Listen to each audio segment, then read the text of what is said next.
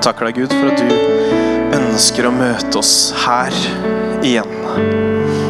Takker deg, Gud, for at du er alt. For hadde det vært opp til meg, så hadde ikke mye skjedd.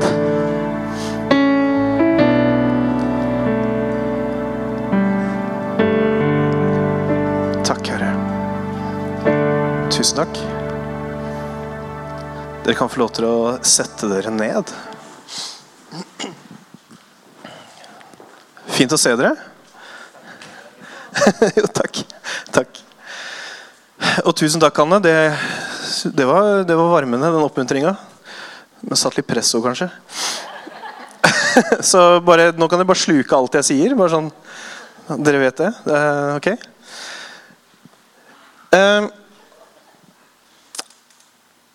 jeg liksom, Hvordan skal jeg starte den, eh, den, dagen her, eller den eh, talen her? Men jeg har, jeg har lyst til å begynne å be for deres del. For meg selv. ok. Nei, men jeg, jeg, har lyst til å begynne med en liten bønn. Er det ok? Kan dere være med meg i en liten bønn? Takk. Gud, jeg takker deg for at vi kan samles her i din kirke som et fellesskap som løfter deg opp. Og vi har muligheten til det i det hele tatt. Det kunne strekke armene i været, det å kunne se opp mot deg, noe som er større enn oss selv. Det takker jeg deg for. Og så ber jeg om at denne her kvelden den må være din. Vi er her for å ære deg. Vi er her på grunn av deg. Jeg ber om at du må komme. Du må hjelpe meg til å formidle det du har lagt på hjertet mitt. Du må hjelpe de som sitter og hører på, til å høre det vrøvlet som jeg skal si, og forstå hva som er mellom linjene, eh, sånn at de catcher ditt ord og ikke mitt. Og så ber jeg for den høstferien her at det skal være et sted hvor altså Høstferie er jo lagd for hvile uten arbeid. Og jeg ber om at det skal skje den høstferien her for mange. At når ikke det er arbeid, når det er sted til å hvile, så hviler vi. Mm. Amen. Det, jeg har lyst til å ta dere med på en sånn reise i en bibelfortelling i dag. Eh, så jeg håper dere er klare for det. Eh, og Da må jeg starte med litt kontekst. Eh, og Jeg skal starte med et bibelvers som kontekst. To bibelvers. Og Det er Salme 46, 46,2. Nå kommer jo ikke det opp på skjermen, men hvis du har en mobil med bibel på, eller hvis du har en Jeg elsker jo egentlig papirutgaven. Slå det opp. Det er alltid lurt å dobbeltsjekke hva de sier, de som står her oppe. For det er ikke sikkert du kan sluke det helt rått. Salme 46, vers 2.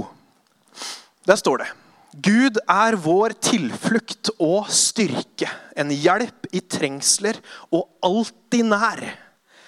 Derfor skal vi ikke frykte selv om jorden blir omveltet og fjellene blir kastet i havets dyp. Ja, selv om havets vann bruser og sjøen går hvit, selv om fjellene skjelver når havet løfter seg. For Gud er alltid nær.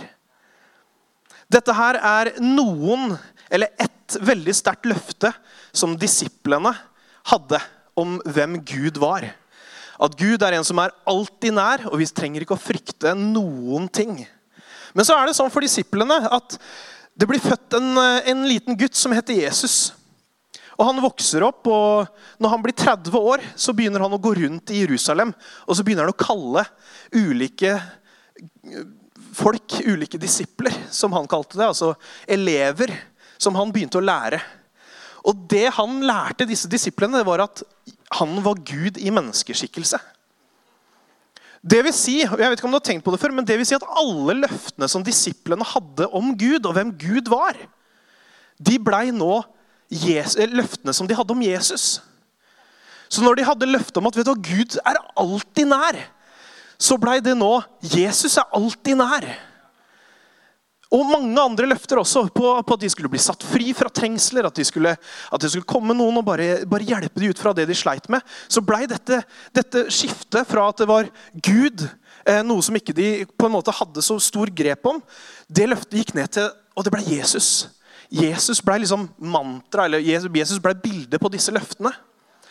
Og se for deg da, Når de har dette løftet om at Gud er alltid nær, og han skal fri de ut, så ser de Jesus bli spikret opp på et kors. Og så dør han. Det vil si også at alle løftene deres dør. Har du tenkt på det noen gang? Alt de har hørt og lært om hvem Gud er, dør der sammen med Jesus. For et slag i trynet! Det er ikke Instagram-vennlig, liksom. Nå tidligere så har de vandra med Jesus og de har tatt bilder, masse forskjellige Instagram-bilder og posta på, på, på, Face og Instagram og Twitter. og de så, 'Så du han ble frisk, han eh, som var blind, eller?' Dritkult! Wow, hashtag 'Jesus er konge'. Og så blir en blodig Jesus som blir korsfesta, spikra på hender og føtter, heist opp til spottelse. Jeg tror ikke det var Instagram-vennlig. Og så dør han. Dette er konteksten. For vi skal bli med inn i en fortelling som skjer på den tredje dagen etter det her. Og Dere som har lest litt bibelhistorie, skjønner hva noe av det som skjer den tredje dagen etter at Jesus ble hengt opp på et kors.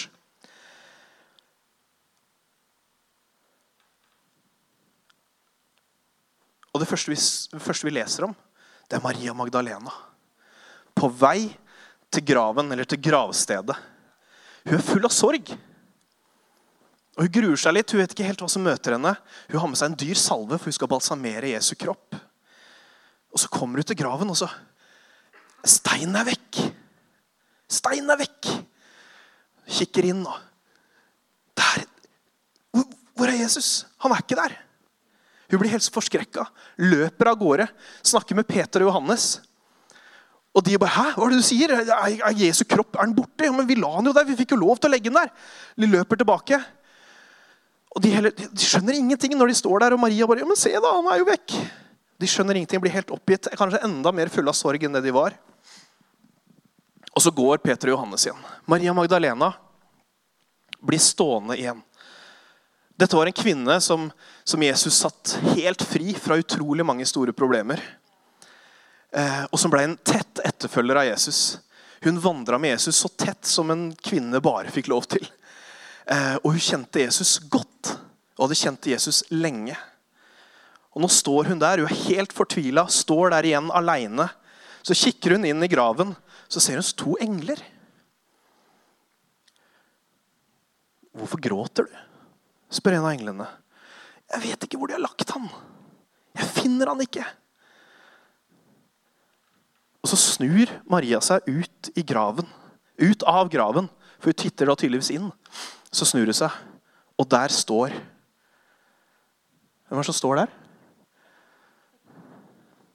Ingen tips. Der står gartneren! Ja, men Det er Jesus som står der. Det er faktisk Jesus som står på utsida av graven. Men Maria ser ikke det. Her snakker vi om en kvinne som har vært tett på Jesus over lang tid. Hun snur seg, og så tror hun det er gartneren. Hun kjenner han ikke igjen. Han som hun sørga over i tre dager, står der. Og så sier han Maria, nei, Han sier ikke Maria, han sier 'Hvorfor gråter du?' Akkurat det samme som englene sa. Hun la ikke sammen to og to.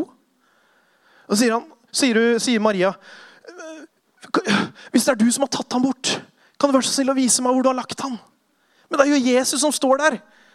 Men du kjenner ham ikke igjen. Litt seinere på dagen slår Jesus følge med to andre disipler som er på vei ut av Jerusalem.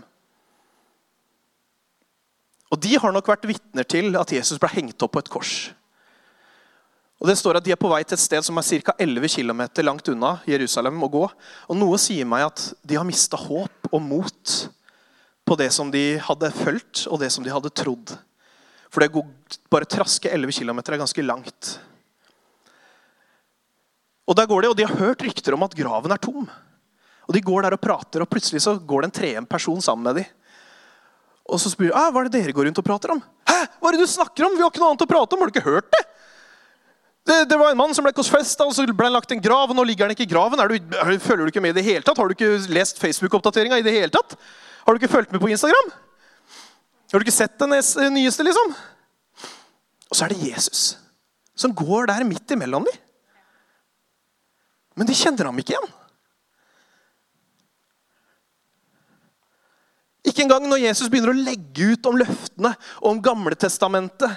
Han åpner skriftene på dem på veien der de går. Så kjenner de ham ikke igjen. Det er sprøtt.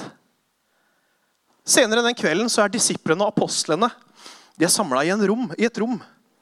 Og de også er nok veldig sånn undrende. Det var det Maria sa. Det, graven var tom. Hva skal vi gjøre? Jesus ble korsfesta.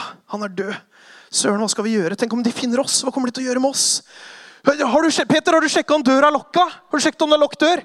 Ja, bra, det er lukket dør i hvert fall. Det står det om i Bibelen. Presisert. Døra var lukket. Den var låst. Så det er tydelig at de var redde. Plutselig så viser Jesus seg midt mellom dem i dette rommet. Og han skremmer livskiten ut av dem. De blir livredde. Og der står Jesus med apostlene som har vandret sammen med Jesus i tre år, sett helbredelser, mirakler. De har selv sett ting skje ved hans navn. Så står han midt der, og så kjenner de ham ikke igjen. Johannes evangelium forteller om at en av morgenene etterpå så er noen av disiplene ute og fisker hele natta. Så kommer Jesus ned på stranda, og disiplene hadde ikke fått noen ting.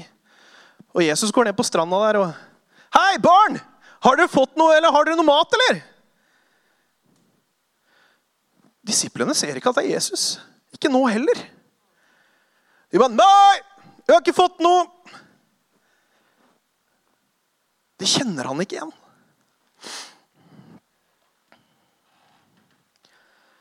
Du skjønner sikkert hvor jeg er på vei hen.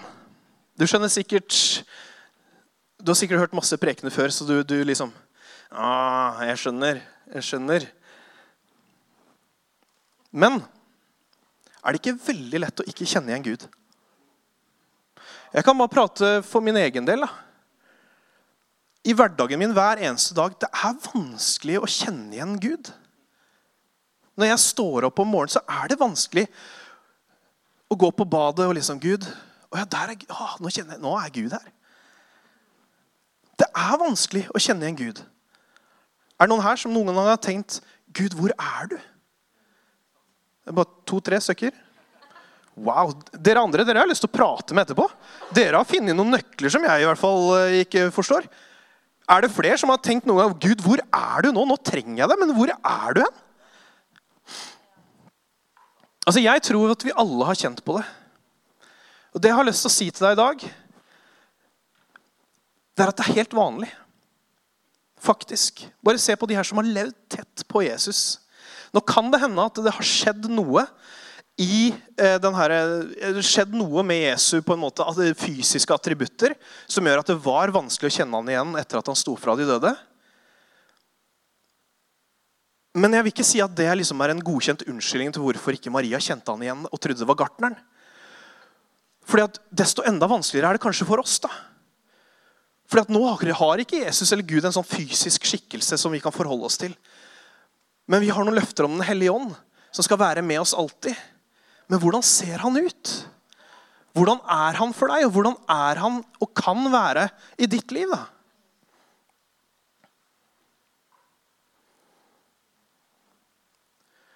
For jeg vil si, Det er vondt mange ganger å føle at Gud er langt unna. Jeg har stått der i mange situasjoner sjøl som er utrolig vonde. På Gud, hvor nå trenger jeg deg jo. Så virker det som om du er langt vekk. Men jeg har lyst til å si deg, Er det én ting du skal sitte, med, sitte igjen med etter i dag, så er det at Gud han er alltid nær.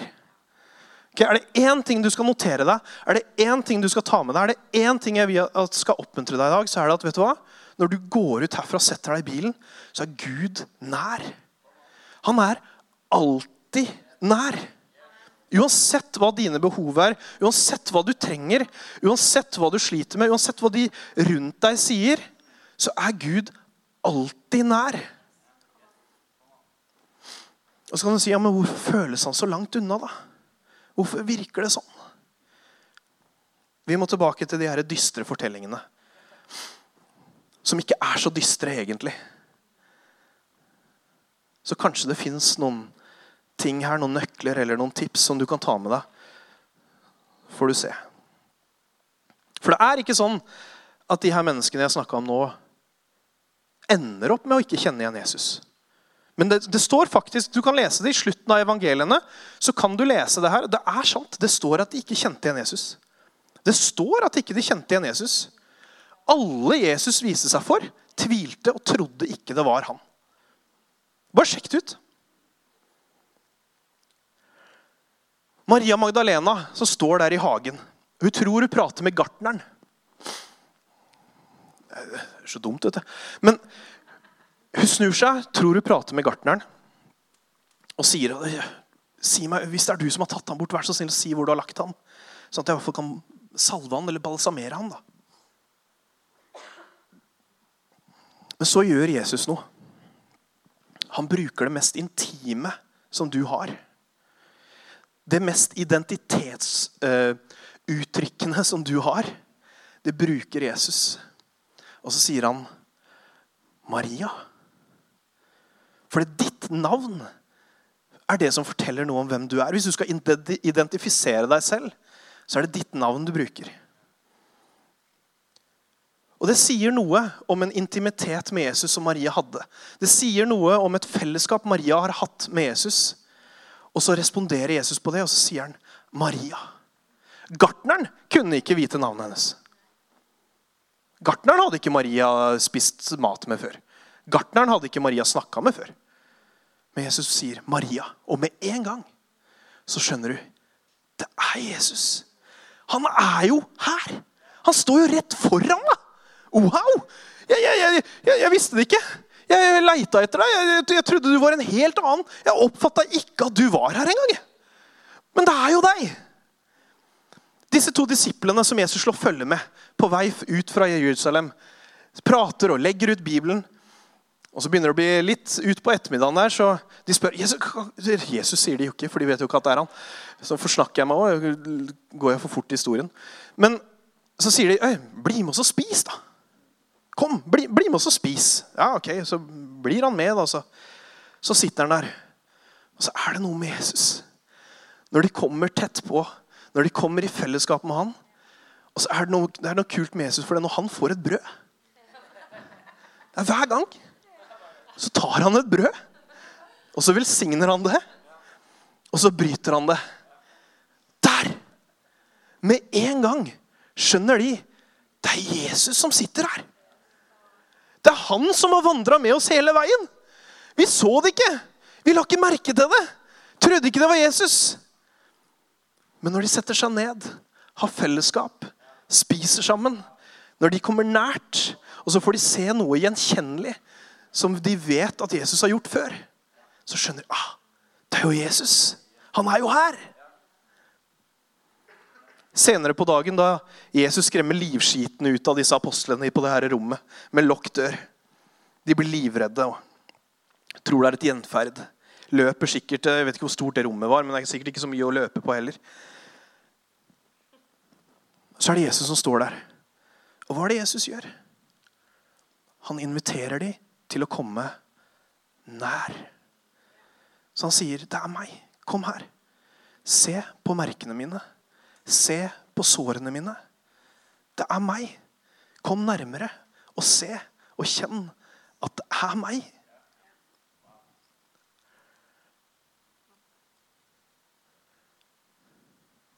De får komme tett på. Den morgenen når Jesus er på stranda, og han roper og så 'Har dere noe mat?' Nei! Så gjør Jesus noe som de har opplevd før. De sier, nei, Jesus sier, Kast garn ut på høyre siden! Og de er sikkert drittrøtte og bare Kaster de garnet ut på høyre siden. Så får de så mye fisk.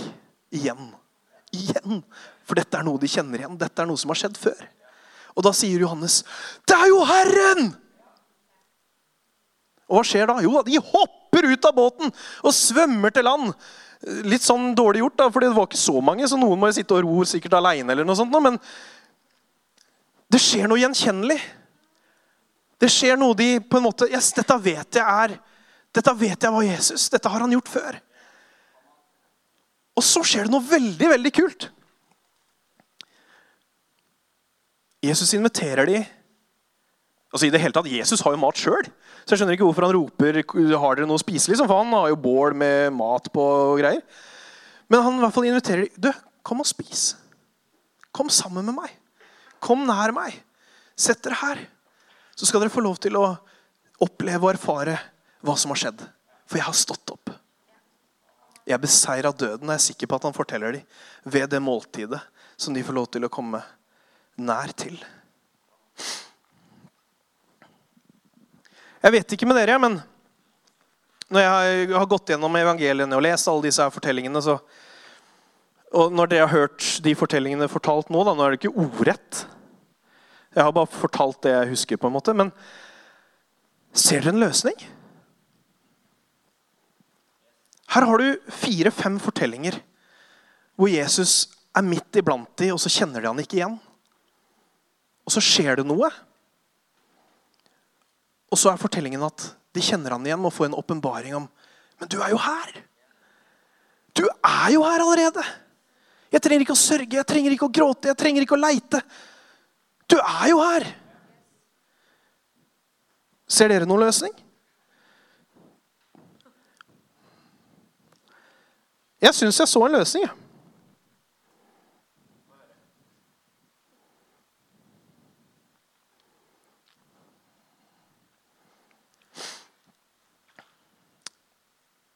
Jeg tror det handler om hva slags fellesskap vi har med Gud. Jeg tror det. Jeg tror veldig mye av spørsmåla, tror veldig mye av løsningene på Bibelen, nøklene Jeg tror veldig mye av det her distanksjonen vi kjenner i hverdagen vår, jeg tror utrolig mye har en løsning på å komme nært til Jesus og ha fellesskap med Gud. Det er ikke alltid så lett. Men jeg tror det er en løsning om å komme nært. Og Vi har hatt en bibelskole som har vært at Gud snakker fortsatt. Vi har en bibelkveld som at Gud snakker om natta. Vet du hva løsningen er? Vi må komme til Han. Vi må være med Han. Vi må komme nært. For det er Han som er kilden til allting. Han er skaperen, så han er liv. Så trenger du liv, så er det dit du må gå. Han er helse, så trenger du helse, så er det dit du må gå. Er det frihet du trenger, så må du gå til Han som har skapt oss og satt oss fri.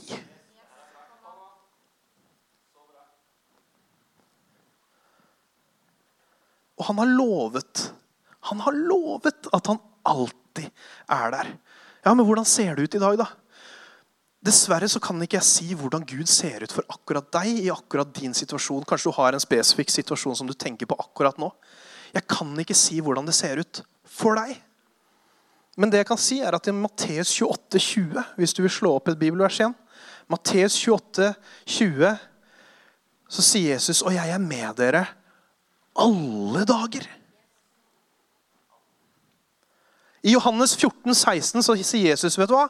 Jeg vil be min far. Han skal gi dere en annen talsmann som skal være hos dere for alltid. Jeg velger, og jeg kanskje må velge, men jeg velger for de tingene jeg har opplevd og erfart rundt i mitt liv. Jeg velger å tro på de løftene jeg leser om i Bibelen. Og da må jeg velge å tro vet du hva, Jesus han er alltid med meg. Det er en talsmann, altså Den hellige ånd. Han er alltid med meg. Ja, hva, men Når du sier at du kjenner at ja, Når du lurer på Christer, du sa jo, eh, du sa jo eh, at du, du, også kjenner på hvor er Gud. Du svarer på det. Han er jo alltid der. Jo, men jeg lever jo her og nå. Jeg lever mitt liv. Og det, det er en sånn distensjon. Altså, Guds rike altså, jeg vet ikke om du har, har du sett du er på Facebook. Har du sett Facebook? Det er ikke perfekt. altså. Vi slites, vi rives. Det er strevsomt. Vi lever så godt vi bare kan. Så ja, det er ikke så enkelt å se at Gud alltid er her. Men jeg tror det er min skyld noen ganger. Jeg tror det går litt på meg.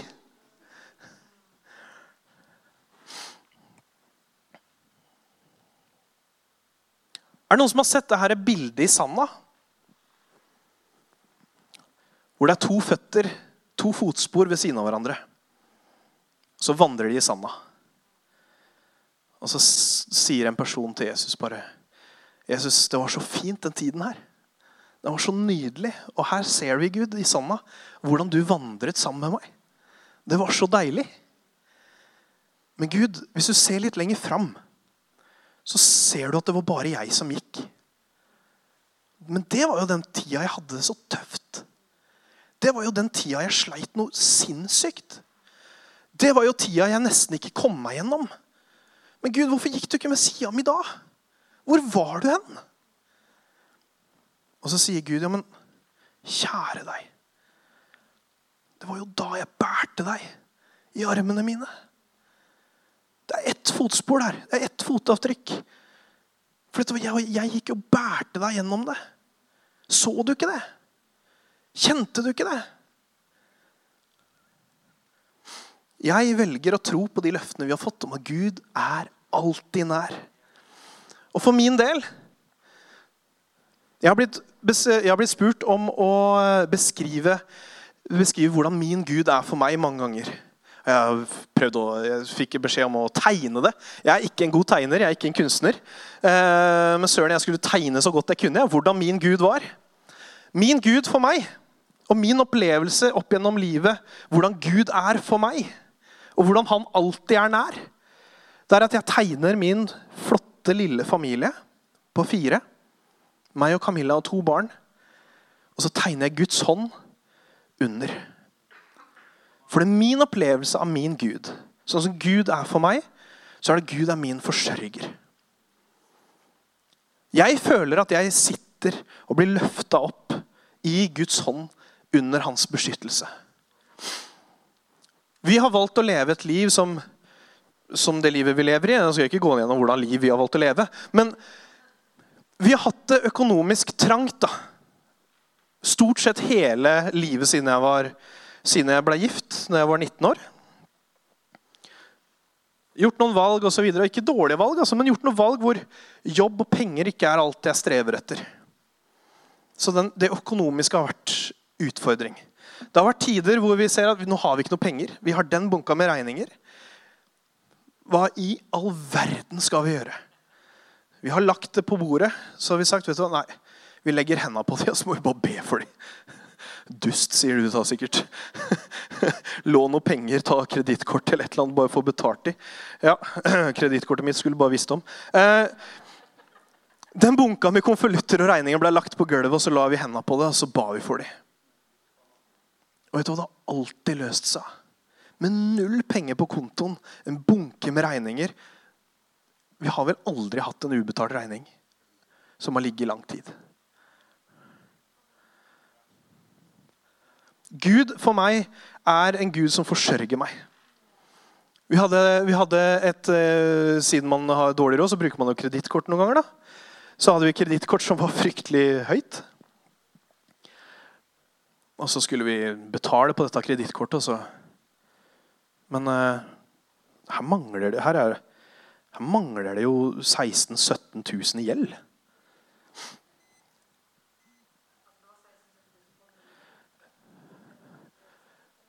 Det er for lite. Skulle vært mer.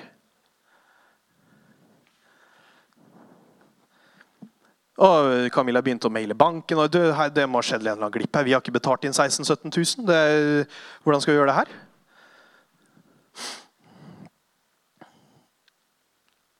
Fant vi aldri ut. Fant vi aldri ut. Gud er min forsørger. Hva, hva er han for deg? Og Ved å kjenne han igjen og slutte å si at du, det er bare tilfeldigheter eller det er bare Nei, det, bare, det var en sånn god karma. Nei, jeg kan ikke si det. Vet du hva? Bruk tid sammen med Gud. Og Er det ett sted du kan finne han, så er det i Guds ord. Så Hvis du lurer på ah, ja, men jeg vet ikke hvor jeg kan kjenne igjen Gud, hva er det som virkelig er Gud, da? så kan du gå til Guds ord og så kan du bli kjent med Han og hvem du er. Så kan du be. Du kan bruke tid i lovsang. Så blir du bedre og bedre kjent med hvem Han er. Og da blir det lettere å kjenne Han igjen. Det blir så mye lettere å kjenne han igjen. Når du vet hvem du ber til, når du vet hvem du skal se etter, så blir det så mye lettere å kjenne han igjen. Overalt hvor du går. Lovsangstimen dere kan komme opp, for jeg har lyst til at vi skal ære Gud litt til. Men, men henger dere med? Ja, det er ok. Noen hang med. Det er bra.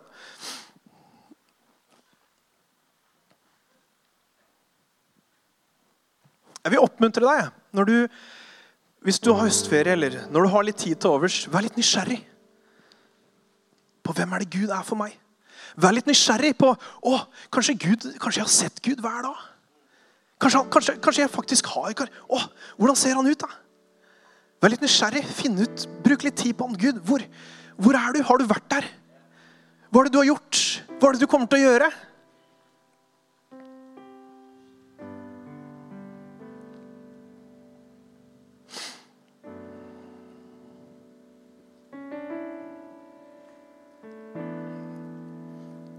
Jeg tror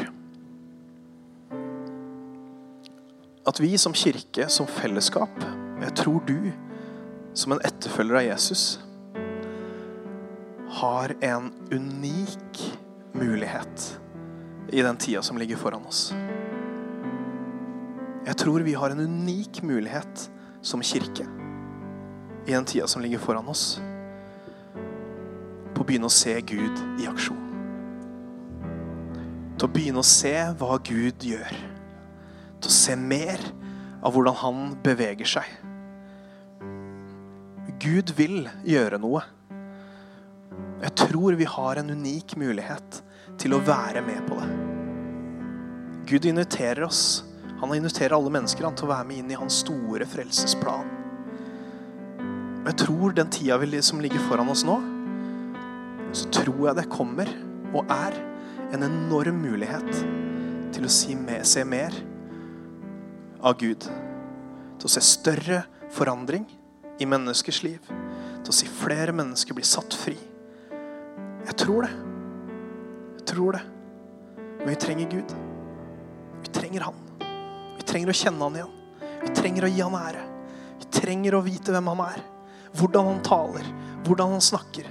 Hvordan han viser seg, hvordan han forsørger, hvordan han setter fri, hvordan han helbreder. Hvordan, han kan stå, eh, hvordan troa vår kan stå fast i livet som blåser. Hvordan vi kan ha en tro som, som, eh, som, er vitenskapelig bevist. Hvordan vi kan ha en tro som uansett hva folk sier rundt oss, som holder fast, som står fast. Jeg tror vi har en unik mulighet. Kan du reise deg? Eller vil du reise deg? Det er frivillig. Hvis du har lyst til å reise så kan du få lov til å reise. Frivillig tvang.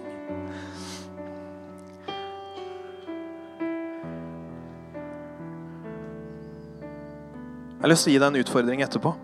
Men jeg har lyst først at du skal få muligheten til å Gud. Hvor er du? Still Gud det spørsmålet. Jeg vil kjenne deg, jeg vil komme nær. Gud, hvor er du? Jeg vil se deg. Gud, hvor er du? Okay